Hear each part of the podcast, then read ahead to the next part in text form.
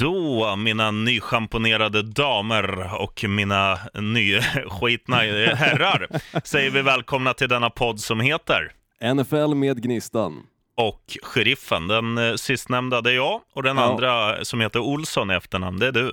Det är jag det, och jag är faktiskt nyskiten också. Eh, vilket Åh. var skönt att du då presenterar männen som de nysketna. Det- och så kände det jag mig är- väldigt träffad där. Det är ju lite så här att alla är ju säkert nyskitna, men det är ju oftast vi karar som skryter om det. Ja, det är det. Det, det är det verkligen.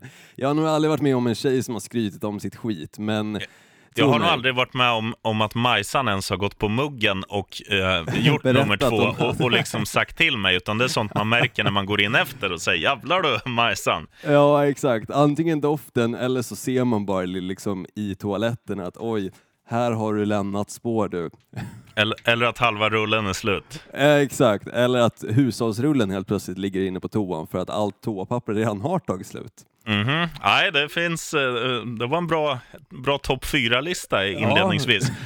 Men du Olsson, vi gör Ja. så här att eh, eh, jag kan fråga dig hur du mår först. Mm, jag mår bra. Eh, jag kan, för vi snackar nu off-air lite grann om det här med att vara eh, lite emotional och sånt där. Jag nämnde bara lite snabbt en, en idé som jag, jag eh, en gammal kollega då, till mig åtminstone, men en fortfarande kollega till dig, Richie Puss, Mm. eh, att vi kanske har en liten plan i framtiden. Men det här med att vara emotional, när man blir äldre framförallt så märker jag märker åtminstone på mig själv att det är en jävla stor skillnad när jag sitter och kollar på dokumentärer om hur jag reagerar på de här dokumentärerna. Och jag såg till exempel nu när jag fixat NFL Game Pass så såg jag två stycken dokumentärer. En som handlar om Ice Bowl och en Mhm. som handlar om Rebirth of New Orleans. Och i bägge de här två dokumentärerna, av någon märklig anledning, så sitter jag och blir jäkligt tårögd. Framförallt i den här Rebirth of New Orleans, den kan jag rekommendera starkt för den handlar då om Katrina och hur New Orleans Saints ledde vägen tillbaka till att staden blev densamma som den var innan katastrofen då. Jäkligt fin dokumentär och du som är runt 27-snåret kommer nog bli lite blödig av den. Och det är då man märker också att man blir vuxen på riktigt, när man vågar sitta till en amerikansk fotbollsdokumentär och böla lite. Det är vackert. Och med de orden och att jag säger töntigt Olsson så kör vi introt. Oh,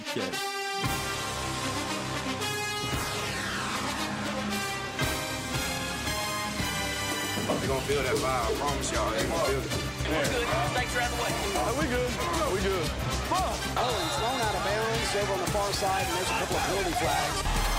This is totally out of control. Sådär då, då var vi back in business. Jag och, glömde ju eh, fråga dig, sheriffen, bara lite snabbt. Hur mår du? Ah, det är åt helvete som vanligt. Nej, det, det är bra. Jag är, eh, jag är lite stressad, eller stressad är jag inte, men jag eh, har, Majsan, min tjej, är iväg på Göteborg Horse Show. Och då har jag varit iväg med vår tredje familjemedlem, den svarta håriga, alltså hunden som heter Roger. Jävla fint namn, det är jag som har döpt den. Ja, det är Eh, skitfint. Du måste säga hela kört- namnet också, vad den heter. Roger Rocky Jonsson. Fint.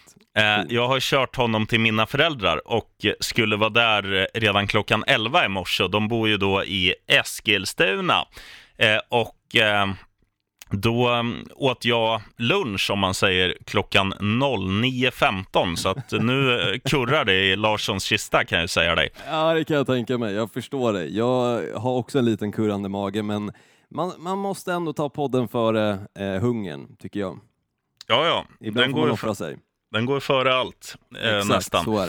Men eh, ska vi börja med att snacka om Gronken, eller? Ja, men det tycker jag. Det är väl ändå det största som hänt sen förra avsnittet, att eh, Rob Gronkowski alltså har gått i pension. Eh, det var ganska väntat tycker jag ändå. Det var snack om det redan förra säsongen om att han eventuellt inte ska, skulle komma tillbaka till 2018 års säsong. Eh, så det kändes inte som det liksom mest chockerande att han ändå gick ut med att han går i pension. Han har varit ganska skadedrabbad och har dessutom haft en jäkligt fin karriär bakom sig. Alltså och haft vunnit- en jävligt bra lön. Och haft en jävligt bra lön. Så att han, han har ju råd att lägga av, liksom, även fast han är tämligen ung. Men fortsätt du, tre Super Ja. Bowls gissar jag att du skulle säga. Precis, han har ju vunnit tre stycken Super Bowls och eh, då kan man ändå lägga skorna på hyllan med gott samvete. Framförallt i och med att han är 29 år gammal också, så han har ju fortfarande den här festmentaliteten i sig, vilket jag tror de flesta ändå misstänker att han kommer satsa ganska hårt på. För att jag tror bland den första kommentaren som kom när han gick i pension var, jag tror det är en NBA-spelare eller om det var någon DJ eller någonting som skrev kom till Vegas och partaja nu, nu jävla smäller det. Svarar han att jag, jag ringer min eh, privata jetchaufför direkt, eller? Jag tror inte han kunde svara, han satt redan på flyget säkert dit och Ja, okej. satt och söp. Så det är åtminstone vad jag antar att Rob Gronkowski gör när han väljer att gå i pension. Det blir nog fest i tio år och sen efter det så är han väl död vid 50-årsåldern. Där har du hans liv. Ja, lå- låter lockande.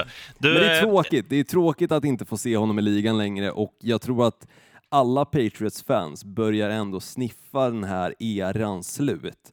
Alltså Rob Gronkowski försvinner, Tom Brady är ju såklart äldre och äldre varje år som går och eh, det är alla människor, Olsson. det är alla människor såklart, men av någon anledning så känns det som Tom Brady bara blir ännu äldre. Han åldras liksom två år varje år som går. Åtminstone i den här åldern som han är i nu. Och i den ligan han spelar i också. Eh, Så jag tror att många Patriots-fans ändå känner en liten sorg i sig av att det här verkligen börjar närma sig slutet på Belichick, Brady och Rob Gronkowski-eran. Mm. Ehm, det jag kommer sakna med Gronken, tror jag, det är att ha, han är en jävligt iögonfallande spelare, för han har ju likt JJ Watt väldigt så här, mycket skydd utöver det, det vanliga som han har. Han har ju sin, den här, han har ju som en robotarm ungefär. Och, Ja, ja. eh, och sådana grejer. Så, så ma, man ser ju honom på planen. Och Sen kommer jag också sakna hans röst, för att det finns få människor som är så stora i kroppen som ändå har en så töntig röst. Alltså ha, ha, han borde låta “Hello, I'm Rob Gronk”, men han är lite så här. Och sen säger han alltid “Woo!” säger han alltid “Woo!” Men han har ju babyface också. Och Jo, man, det har han. man kommer sakna den där snubben. Och även om man inte håller på Patriots och även om hur mycket skit vi än snackar om honom så är det ju ändå en sån spelare man vill se på planen. Han kommer Ja, ja. vara saknad och om det kommer komma in någon som kommer kunna ta och fylla hans skor, det tror jag kommer dröja några år tills dess. Då frågar jag dig så här, är Rob Gronkowski, Gronkowski vad svårt det är att säga när man inte hör sig själv i lurarna, för jag, jag pratar väldigt högt känner jag också för att jag, jag, du sitter i Växjö och jag är i Stockholm och du ska höra mig ner dit. Men eh, är Gronken den bästa tight end vi har sett senaste 20 åren? Ja, det tycker jag faktiskt. Alltså, jag tycker att av anledningen att han ändå har vunnit tre stycken Super Bowls, det är svårt att ta ifrån att alltså den prestigen av att vinna alltså, ligans mest åtråvärda liksom, match tre gånger om och dessutom säsong efter säsong, även om han är skadad eller vad än nu som sker så kommer han alltid tillbaka och levererar på exakt samma nivå. Alltså han har en väldigt hög lägstanivå och hans högsta högsta nivå är otrolig för att han är en sån spelare som har klivit in och kunnat vara helt matchavgörande. Vissa Mm. matcher som han inte har alls varit på planen eller liksom suttit på sidlinjen och varit skadad så har ändå det påverkat hur New England Patriots spel har sett ut. Och när han är inne på planen och gör det han ska göra, antingen blocka, vilket han har visat under den här säsongen åtminstone att han var Mm. väldigt duktig på, eller om han fungerar som vi mest känner igen honom, nämligen ehm, bollfångande tight enden eh, och dessutom den som alltid spikar bollen i endzone, så har han hela tiden varit en avgörande faktor i framgången i New England Patriots. Och jag tycker att det visar också på vilken talang han besitter och att han kan eh, så enkelt bara liksom skyffla bort en försvarande spelare och öppna upp hela gatan framför sig för att göra en touchdown. Det är få tight ends som lyckas med det. Det är få i den sizen som lyckas med det också. Jag tycker att han har gjort det under hela sin säsong. Eller hela sin karriär menar jag. Mm. Eh, så nej, definitivt den bästa tight enden vi har sett på 20 års tid. Agree. Du, nu ska vi snacka om något annat som är det bästa som vi har sett senaste 20 åren, nämligen Jordan Howard. Och vet du vad han är bäst på? nej, vad är han bäst på? Ingenting. Han har, Jo, en grej. Han har världens bästa Instagram-namn. Han heter alltså Jordan Howard och hans Instagram-namn det är bara JH. ja, Jag tycker bra. det är så jävla briljant. Fyra inlägg, 160 000 följare och eh, följer 1021 stycken. Ja, vissa lägger ju upp flera hundra inlägg innan de ens kommer upp i hundra följare. Så Ja. Han har lyckats bra. Han är riktigt bra. Han, eh, det vi ska säga, ha- han fick ju också lite av ett eh, breakout-år eh, i eh, ja, den här säsongen med Chicago Bears. Det var väl Absolut. mest för, att, mest för att Chicago Bears faktiskt eh, fick Levererade lite studs i, studs i dojan och, och det funkade. De har hittat Mm. sin, sin quarterback i, i Trubisky och de, ja, det känns som att att eh, the windy city, att vinden blåser med för första gången på jättelänge. Men nu är alltså denna Jordan Howard klar för Philadelphia Eagles som har tradat till sig honom mot ett draftval i 2020 års eh, draft. Och eh, min fråga till dig är, Olsson, gör eh, Chicago Bears något väldigt dumt här? Nej, jag tycker faktiskt inte det. Ehm, deras andra back, som jag faktiskt inte just nu kommer ihåg namnet på, eh, Eh, tycker jag visade väldigt mycket ljusglimtar under säsongen som var också. Eh, och visade sig också fungera väldigt bra som både en, ehm, eh, eh, som en receiver helt enkelt och också att han kunde springa väldigt bra med bollen. Så jag tycker att de gör absolut inte fel att göra sig av med Jordan Howard, även om man gärna såklart hade velat behålla honom. Men jag misstänker att Jordan Howard begärde lite för mycket pengar för att Chicago skulle vilja behålla honom för den summan. Utan då istället kanske de satsar på en annan running back. Vilket jag tycker är Mm. helt rätt. Och det såg vi ju detsamma med New Orleans Saints, att istället för att behålla Mark Ingram som kanske efterfrågar lite för mycket pengar för vad eh, New Orleans Saints ville lägga upp till honom, eller ge honom, eh, så väljer de istället att kanske satsa på någon annan och behålla kvar den här dynamiska running backen som Eh, fungera fungerar på väldigt många olika sätt medan Jordan Howard är lite mer den som kanske kommer in på tre, tredje down eller på första down och fixar x antal yards. Han kan göra jäkligt snygga spel ifrån sig också och har visat det under säsongen men jag tycker fortfarande att eh, de har en bra running back och att behålla bägge två hade blivit för dyrt. Vet du vad den bästa kommentaren, jag, jag sitter och läser på ett forum här eh, angående den här traden, vad, vad fansen tycker. Eh, alla som håller på Philadelphia Eagles säger att det här är en stil, att de har gjort något väldigt bra. Och eh, de, de som håller på Chicago Bears, jag ska ta ett axplock här. Det är en som säger så här. I will describe this trade as a used fucking condom bullshit trade. Alltså, ja, jag förstår. Terry Cohen är det ju som är andra eh, running backen då i Chicago Bears och jag tror att man behåller Terry Cohen också för en betydligt mycket bättre summa än Jordan Howard. Eh, men precis som du säger, Jordan Howard hade en bra säsong förra året, men dessförinnan så tycker jag inte att han har visat jättemycket utan Um, istället för att ge honom skitmycket pengar så visst, trada bort honom och eh, ge honom till ett lag som eh, eh, gärna vill ha honom och kan ge honom lite mer eh, fläsk helt enkelt. Ja, men också Eagles är ju liksom ett lag som ändå har väldigt många pusselbitar som, som jag tycker påminner om, om Chicago Bears. Och, nu, Mm, absolut. och det kan ju bli att, att Howard funkar lika bra där och då, då är ju Eagles helt plötsligt en utmanare igen om, om Carson Wentz hittar tillbaka till så bra som han kan vara på sin högsta nivå och att han slipper eh, skador. Så att jag, jag tror ju att det där är en riktigt bra trade även om, även om hans lönekuvert kanske är lite för kryddat nu när han har presterat så bra som han har gjort på, på senare tid. Vi tar en trade till vi ska snacka om innan vi går in på draften. Och det är ju en, en man som du nämnde förra gången vi spelade in, att han, han skulle vara en bra fit för Miami Dolphins. Ja, precis. Jay Ajayi snackar om väl? Ja, både han och C.J. Anderson. Vi kan ta båda på en gång. Eh, vad, vad har hänt där, Olsson? CJ Anderson har ju gått till eh, Detroit Lions då. Wow! Eh, och det känner jag väl är lite så här, eh. Jag vet inte vad jag ska säga. Jag, det kommer verkligen ge bu eller bä. Liksom. Alltså, det kommer inte göra någon skillnad för Detroit Lions. Jag tror Nej, nej, deras ha- säsong är ehm, inte den bästa i år heller. tyvärr. Han kommer mjölka ur några, några miljoner ur deras klubbkassa och sen Ja. lägga skorna på hyllan. Det är ju så Ja. det funkar. Men, men samtidigt, så, här, så länge du kan lira ehm, så, så ska man göra det. Och C.J. Anderson såg man ju i fjol när han var i Rams.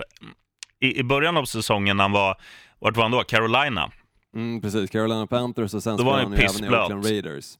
Men sen när, när han då hamnade så att hans roll blev ganska liten till en början, att han mest användes som avlasta eh, för Todd Gurley, så blev det ju Alltså den rollen passade ju honom. Får han något liknande i Detroit så, så kanske de mm, kommer förlita sig mindre på Matt Stafford och, och liksom förlita sig mer på springspel och då är ju C.D. Anderson en bra liksom som, som kan avlasta en, en tänkt första running back. De har väl han, Absolut, är det. vad heter han, Abdullah Mohammed Mm, eller något sånt där. precis. Precis, men grejen är ju så här att jag, jag tror att varför han presterade på den nivån som vi ändå såg honom göra i slutet på säsongen var ju tack vare att Los Angeles Rams är ett väldigt springglatt eh, lag som har väldigt bra offensiva eh, linjespelare som ser till att öppna upp bra luckor och det är därav som också eh, Todd Gurley har lyckats så pass bra som han ändå har gjort. Har man satt Todd Gurley i ett annat lag som till exempel Arizona Cardinals förra året så hade inte Todd Gurley levererat på en lika bra nivå som vi brukar se honom i. Och på samma sätt så tror jag att CJ Anderson, tack vare att han hamnar just i Los Angeles Rams som har en väldigt bra offensiv linje, så lyckas han också prestera på en bättre nivå än vad vi såg till exempel i Carolina Panthers eller när han var i Oakland och bara fick testspela lite grann. Så tror jag inte att, jag tror inte att den där offensiva linjen i Oakland, som också var skit förra året, lyckades göra någonting med CJ Anderson. Men däremot när han kommer till ett lag som helt plötsligt levererar luckor till honom och inte bara liksom leverera en defensiv spelare rakt i nyllet på honom. Då tror jag definitivt att han kan leverera på en bättre nivå, men det kommer inte han kunna göra i Detroit Lions, för de öppnar inte upp luckor för Men du ska få höra, nu, nu De tänkte jag pa pausa dig Olsson. Mm, Okej. S- Så här är det nämligen att nu kommer jag faktiskt på en grej som jag satt och tänkte på när du gaggade här. Ja. Att det kan ju vara så här att Detroit tänker att vi tar in C.J. Anderson för att han lär ju ha memorerat playbooken från LA Rams en hel del. Och just det här att de är duktiga på att öppna upp luckor till sina running backs, det kanske är någonting som Detroit då känner att det här är en, en väldigt stor svaghet i vårt lag. Nu får vi en nyckel, alltså han kommer inte min, minnas allt, men han kommer ju minnas en hel del. Och kan, kan de då applicera det på sin offensiva linje så kanske de kan gå från att vara tre av tio brödrostar till fem av tio brödrostar, vilket kanske innebär fyra touchdowns till i springspelet under säsongen. Och det kan vara, ja, det kanske kan generera tre segrar extra. Man vet ju inte om det är något sånt som ligger bakom också. Men eh, eller så plockar de in honom rent ut sagt för att vara en jävla köttbulle, en stoppkloss som springer rakt in i typ en defensiv linjeman och ger ehm, vad- Stafford lite extra tid i fickan. Han helt enkelt knockar den där linjemannen och så ser han till bara att Stafford kan passa bollen. Mm. Nej, men är, är, han, är han lika bra som han var under tiden i Rams, då, då tycker jag det är liksom ett okej nyförvärv. Man hade ju hellre sett att de plockar in någon 22-23-åring istället för en som snart lägger eh, skorna på hyllan. Men det är alltså, i det läget Detroit är, de, de kommer ju inte utmana på x antal år, men om han kan vara en sån här ja, men en som kan ge dem lite nycklar till att, till att göra den där offensiva linjen riktigt bra, vilket absolut kan hända, så kan det ju visa sig om ja, fyra, fem år att det kanske inte var så dumt ändå. Nej, så är det ju absolut. Och eh, det blir intressant att se om han kommer lyckas med någonting. Men som sagt, jag tror att mycket hans framgång som han hade i Los Angeles Rams var tack vare den där offensiva linjen. Och den där offensiva linjen finns inte i Detroit Lions. Det såg vi förra året för Matt Stafford blev säkrad för många gånger för att den skulle vara okej. Och jag tror inte att CJ Anderson kommer kunna med den kunskap han fick för typ fem matcher i Los Angeles Rams kunna ge någon sorts kunskap till offensiva linjen i Detroit Lions. Utan nej, jag tror, jag tror att det är bara ett förvärv som kommer vara liksom. Jag tror inte att det kommer vara någon skillnad alls. Och Egentligen. jag säger som vanligt, bollen är äggformad. Över till Jay Ajayi då. Ja, där har det inte hänt någonting, vilket är helt Jo. sjukt. Det sägs väl att, att han är klar för Colts? Ja, inte vad jag... Det är åtminstone ingenting som är officiellt vad jag har förstått. Så- Nej, det är det inte, men, Nej. men det, det är snacket som går. Ja, precis. Men snacket går ju alltid och inte förrän det väl är kritat på ett papper så kan man definitivt säga att det är klart. Ehm, det, det vet vi alla. Eh, till exempel i situationen med eh, Levio, nej Antonio Brown var det, som skulle krita på för Buffalo Bills helt plötsligt, men två timmar senare så sades det att det var fake news. Ehm, så rykten är rykten. Jag tror ehm, det kommer dröja ett tag innan vi får se exakt var Jay Ajayi hamnar och jag tycker det är synd för att han är ändå en sån spelare som har levererat på en bra nivå men tyvärr varit skadedrabbad. Ehm, så han förtjänar definitivt en chans till. Det tycker jag. Mm. Ja, men en chans till kommer han få, men... Eh, Frågan är bara var. Och till, Ja. vilken, till vilket, vilket pris också såklart. Men jag tror ju att jag tror han hade passat jävligt bra i Colts. Det, det känns ju ett, som ett lag som är på fram... Alltså de, de har ju också framtiden för sig och Ajayi är ju inte gammal så. Han har, han har bara haft lite otur med skador. Och samma där, kan de liksom få fram ett tandem så att han inte behöver köra alla snaps? Då, och de har ju också en, en ganska en, en quarterback som, som hellre passar bollen än att ge den till en running back. Så det kommer inte bli att han blir utmattad efter, eller så här att han blir överansträngd. Utan Andrew Luck kommer ju förse sina wide receivers med bollar. Men Jay Ajayi vore ju ett perfekt hot att ha på running back-positionen. Så att jag ser det som en match made in heaven och, och hoppas för deras skull att- att det blir av faktiskt. Jag tycker i så fall att de redan har ett bra tandem som ändå jobbat in sig ganska schysst i Indianapolis Colts. Så då snackar jag om Nyheim eh, Heinz, tror jag han heter, och Marlon Mack som förra året ändå levererar på en bra nivå bägge två. Marlon Mack, Mack var ju såklart den som hade en större roll som running back i Indianapolis Colts, men då var ju också Heinz en rookie. Så jag tror, fortsätter man bygga på de två så kanske man har ett tandem som börjar likna Alvin Kamara och Mark Ingram. Så jag tror Mm. att det är fel att slänga in en tredje, vilket i så fall eh, hade gett större rotation och de hade inte kunnat bygga riktigt den rutinen som kanske behövs. Ah, good point. Men vi, bollen är äggformad som sagt. Den är ju det. Vi måste bara nämna en sak innan vi går till draften här, sh- sheriffen. Det är ju en av mina favoritspelare genom fan alla tider. Okej, kanske inte alla tider, men åtminstone de senaste tio åren. Jag snackar om Jordi Nelson. Förra året så Mm. nästan grät jag när han åkte till Oakland istället och det var jobbigt att se honom i en annan tröja än den gröna Green Bay Packers-tröjan. Men nu har han gått i pension och det är också jättetråkigt att behöva se det. Förhoppningsvis så blir det så att han kritar på ett endagars kontrakt med Green Bay Packers för att pensionera sig som en Green Bay Packer. Mm. Det hade varit optimalt tycker jag. Det hade varit fint. Jag Det hade håller varit fint. med dig.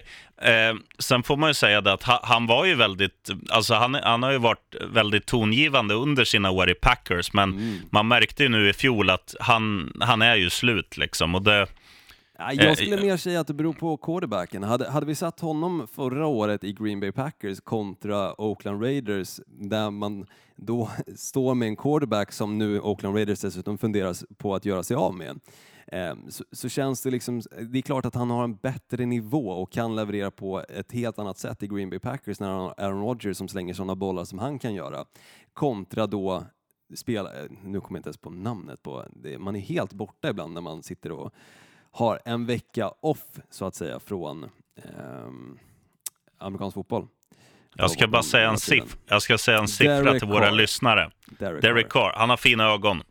Eh, jag ska har säga en det med siffra. någonting att göra? Olsson, Ja, okej. jag ska säga en siffra nu till våra lyssnare. Mhm. Åtta. Åtta. Om, om, de också, om de också håller räkningen På vad då? på ditt favorituttryck. Mm. Jag vet inte vad du menar. Ja, du, får, du får lyssna själv på avsnittet och se om du, om du, om du för, förstår. Men eh, ja, vi rullar vidare. Eh, Ja. Jag hoppas också, som du sa, att han pensionerar sig i Green Bay. Eh, ja, jag kan säga deras riktiga namn för en gångs skull. Packers. Tack, äntligen! äntligen Och så mute, mutar jag micken när jag säger jävla skitlag. Inte okej, sheriffen. Ska vi gå in på draften? Det Ja, är ju absolut. ändå den som är stora snacket nu. Alltså vi är inne i april. Och när april är månad, draften? Den eh, är väldigt, väldigt snart. Tre veckor bort. Ehm, som sagt, det här med datum och allting just nu är inte det bästa från mitt håll, men den är den 25 till den 27, så alltså torsdag natten till fredag så kommer draften drar igång. Jag kommer självklart titta med tanke på att Green Bay Packers har två stycken first round picks. Så eh, det är ju någonting jag inte kommer att vilja missa. Mm. Eh, Men draften dras igång 25 april och håller på fram till och med lördag natt. Ja, men eh, du sitter inte uppe tre nätter på raken va? För att de här senare draftvalen, det är ju, det är ju som att mm, kasta dart eller liknande. Det är bara flyt om man prickar rätt liksom. Ja, nej men det håller jag med om. Nej, jag kommer inte sitta upp och kolla på eh, samtliga nätter, utan jag kommer se torsdagen till fredagen och eventuellt fredagen till lördagen. Eh, Men sen, sen de andra eh, rundorna kommer nog skita i, för på fredagen till lördagen så är det ändå andra och tredje och torsdagen till fredagen så är det bara första rundan då. Eh, Mm. Och den vill man ju inte missa. Eh, Jag förstår New Orleans Saints-fans dock att de kanske skiter i första rundan med tanke på att de inte har något val där. Men Mm. för alla andra så tror jag att första rundan kommer vara väldigt sevärd och rolig att kolla på också. För jag tror det kommer bli mycket, mycket twister som kommer ske. Alltså det kommer ett lag som känns nästan spiksäkert på att de kommer plocka en spelare, kommer i sista minuten kanske trada bort sitt pick för en annan spelare. Eller försöka eh, helt enkelt psyka de andra till att ge lite extra. Och det är det jag tänker att eh, vi ska snacka lite om. För att Mhm. det är väldigt många som plockar spelare eh, och ehm, tar dem till, si, eh, till sitt lag för att göra en liten workout eller hålla liksom en intervju tillsammans med dem. Och det tror jag är lite för att sätta griller i huvudet på de andra lagen, just av den anledningen att visar du intresse för en spelare, vi säger till exempel Jacksonville Jaguars som har sjunde picket, visar de för, eh, intresse för en spelare som kanske kan gå som åttonde pick till Detroit Lions, så kanske Detroit Lions kommer börja känna att men vänta nu, den här spelaren vill vi verkligen, verkligen ha. Och så börjar de kanske diskutera lite med Jacksonville Jaguars för att eventuellt kunna få det där sjunde picket och kunna få den spelaren som de verkligen vill ha. Medan egentligen Jacksonville Jaguars i själva verket skiter fullständigt i den spelaren och kan lika gärna plocka på fjortonde picket.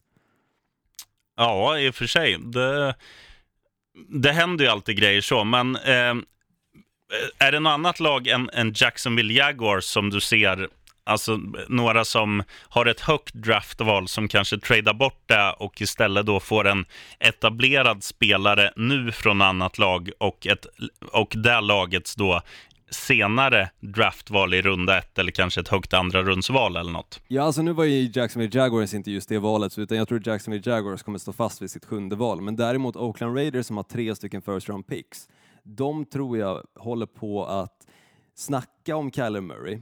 Jag tror de håller på att snacka om en eventuell andra quarterback, alltså eh, det finns ju flera stycken som är ryktade att kunna gå i första rundan. Vi snackar Drew Lock, vi snackar Dwayne Haskins och såklart Kyler Murray. Eh, och sen har Daniel Jones också kommit upp på senare tiden att han också eventuellt kan plockas i första rundan.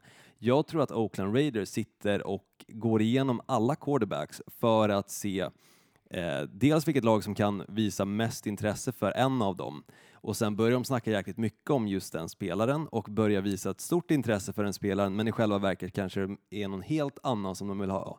Som kan göra då i det fallet att vi säger New York Giants väljer bort sitt sjätte pick för att kunna få fjärde picket istället och till det så får Oakland Raiders också ett andra pick, alltså andra Mm.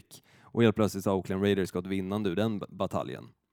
Så jag tror det är mycket sånt som sker bakom kulisserna och jag tror också det är därför det är ganska mycket snack, till exempel det kan vara en sån situation med Arizona Cardinals, det vet man inte heller, att de bara snackar jäkligt mycket om Kyler Murray för att alla lagen ska få upp intresset för Kyler Murray och eventuellt då kanske få Oakland Raiders just att använda två av sina first round picks till att trada upp sig till första picket. Och så känner sig Arizona Cardinals jättenöjda med att få fjärde och eventuellt då även Oakland Raiders eh, 24 pick till exempel.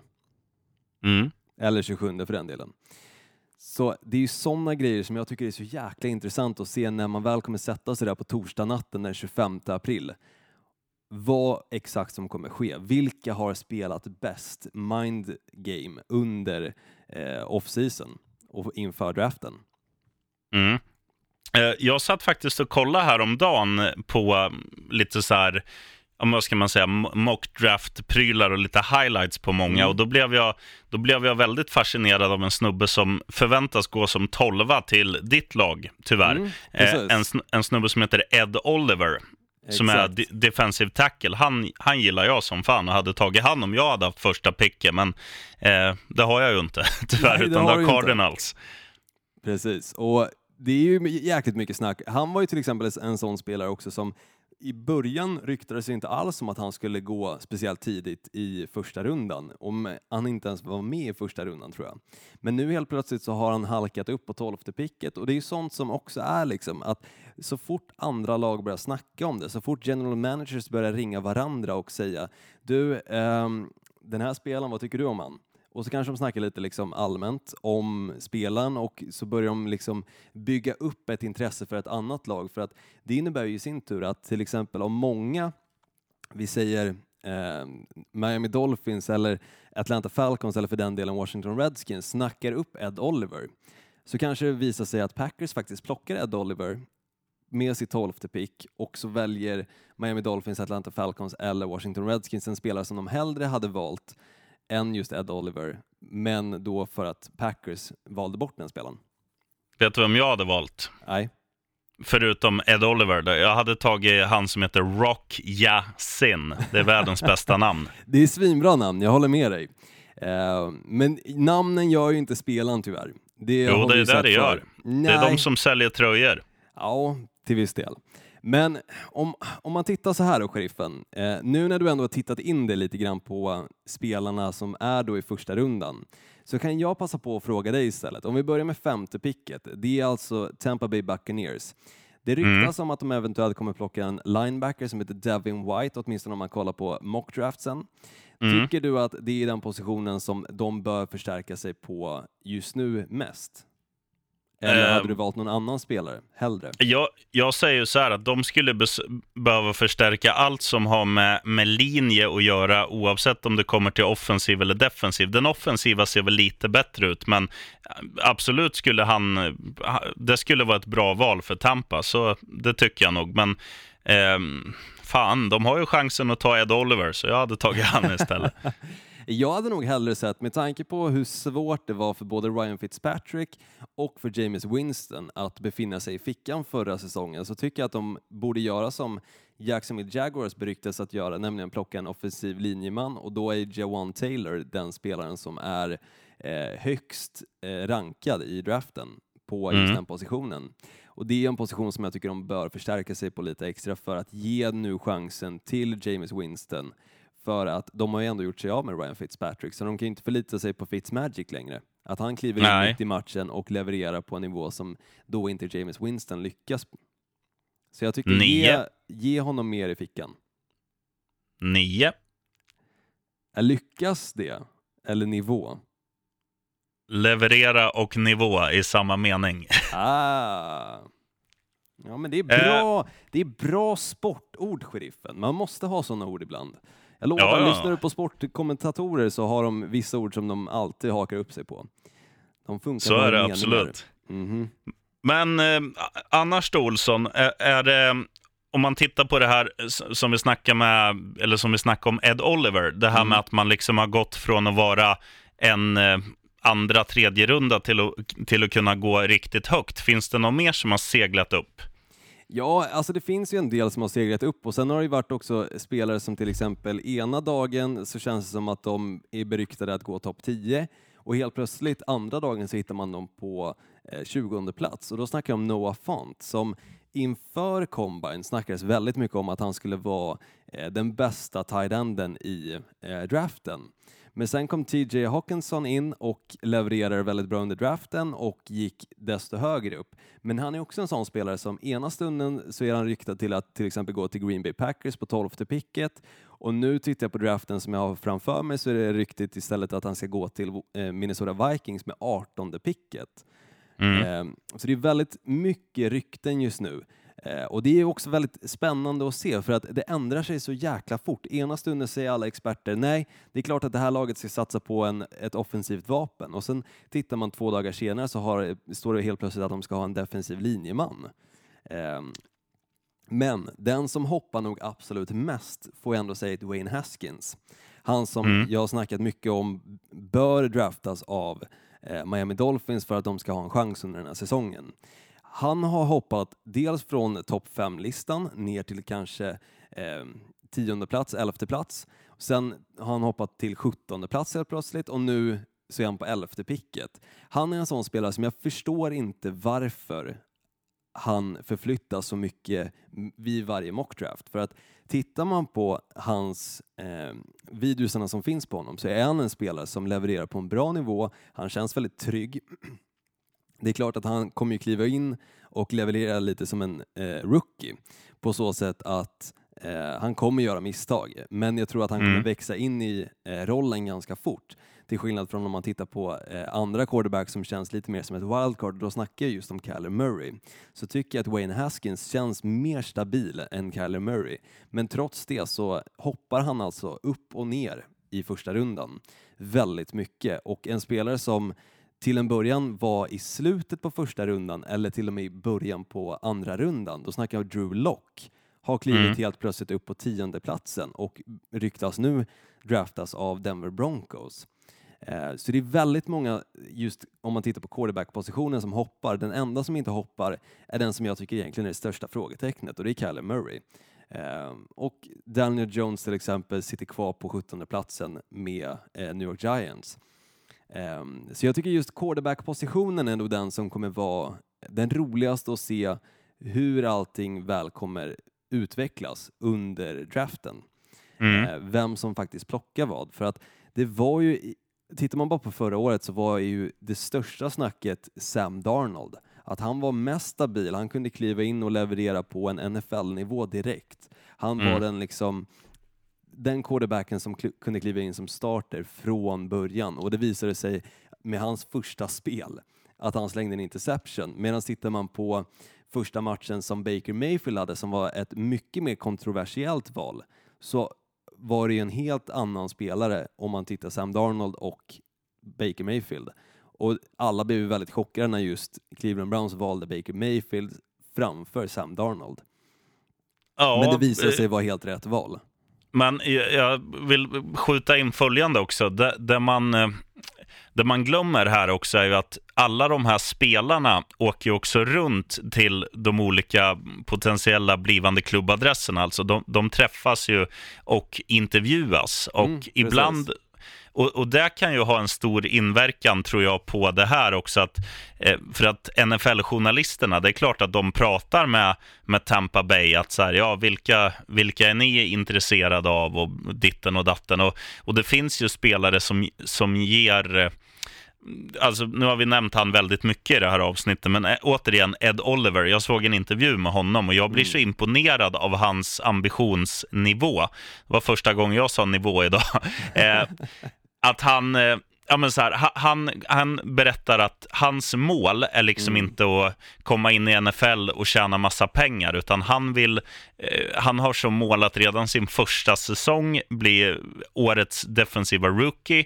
Han har som mål att, att vara med i varenda liksom pro bowl. Han har som mål att vinna Super Bowl. Han har som mål att, att bli invald i Hall of Fame när han lägger av. Och liksom, jag, jag tror att som en potentiell arbetsgivare, när du får höra det där, det är klart att han stärker sina aktier. Och jag tror samtidigt att spelare som som kanske säger det där, men att man ändå ser det i dina, deras ögon eller kroppsspråk, att du säger det här, men du menar inte. Jag tror att sådana kan halka av också, så att jag tror Ja, ja, intervjuerna spelar en jävla stor del och inte bara hur snabbt de springer på 40 meter. Nej, nej, men det är ju just intervjuerna som jag menar är den här, det här momentet där jag tror att väldigt många lag kör ett mind game mot de andra lagen. För Mm. att de tar in dem på intervjuer, de tar in dem för att visa upp sig lite grann. Och sen efter det så kanske de säger att de är jättesugna på den här spelaren. Och det är ju definitivt den spelaren som de skulle kunna se startar från första eh, dagen i NFL och kan alltså vara vägen framåt för deras lag. Och helt plötsligt så får de andra lag då att få upp intresset för den här spelaren och kanske börja titta lite extra på honom. Och så börjar hela den här liksom cykeln av att vilka kan vi psyka mest till att kanske plocka den här spelaren framför den spelaren vi egentligen vill ha. Mm. Det är jättemycket sånt som sker och det är det som som sagt är så jäkla roligt för att det är nästan som att titta på liksom krigsföring när man tittar på hur draften fungerar. Om man verkligen sätter sig in i liksom de olika momenten som är när det kommer till eh, rookiesarna då. Ehm, så, så är det väldigt mycket som en krigsföring, att man just försöker psyka de andra på ett sätt som ehm, ja, ma- man k- sällan ser när det kommer till sportsammanhang. Det är kul. Mm. Ja, ja, Ehm, absolut. Och som sagt, Men, det eh, kan vara den situationen som just Arizona Cardinals försöker göra med Kyler Murray. De kanske skiter fullständigt i Kyler Murray och känner att de kanske redan har snackat med Josh Rosen och sagt att du kommer vara vår starter, lugn. Men vi kommer gå ut och säga att vi vill ha Kyler Murray för att något annat lag ska ge oss fler picks. För att vi behöver stärka upp hela laget, vi behöver inte bara stärka upp specifika positioner och med vårt första pick som är väldigt attraktivt så kan vi få fler picks. Så det är det som vi försöker göra. Vi försöker att bygga intresset för Kyler Murray. Och med de orden, Olsson, så måste jag åka och laga korvstroganoff. Käkade inte du korvstroganoff förra gången också? Ja, Jag brukar käka det ungefär en gång var tredje vecka, så det är absolut inte omöjligt. Nej, inte omöjligt. Det är bra. Men eh, lycka till med din korvstroganoff, sheriffen, och så eh, förhoppningsvis kör vi ett avsnitt nästa vecka. Om inte det eh, så eh, försöker vi åtminstone veckan därpå. Det beror på som Mm. sagt hur mycket som händer och inte händer. Men vi försöker åtminstone varannan vecka hålla dig uppdaterad om allting som sker i NFL. Vad ska du äta? Jag ska nog bara käka flingor och eh, yoghurt. Jag, nej, jag, jag har börjat med det nu på kvällarna jag och tjejen. Just av anledningen att man käkar så jävla mycket till lunch, men man har ett stillasittande jobb, vilket gör att man gör inte av med någon energi egentligen under dagen rent kroppsligt. Eh, man bara sitter ner.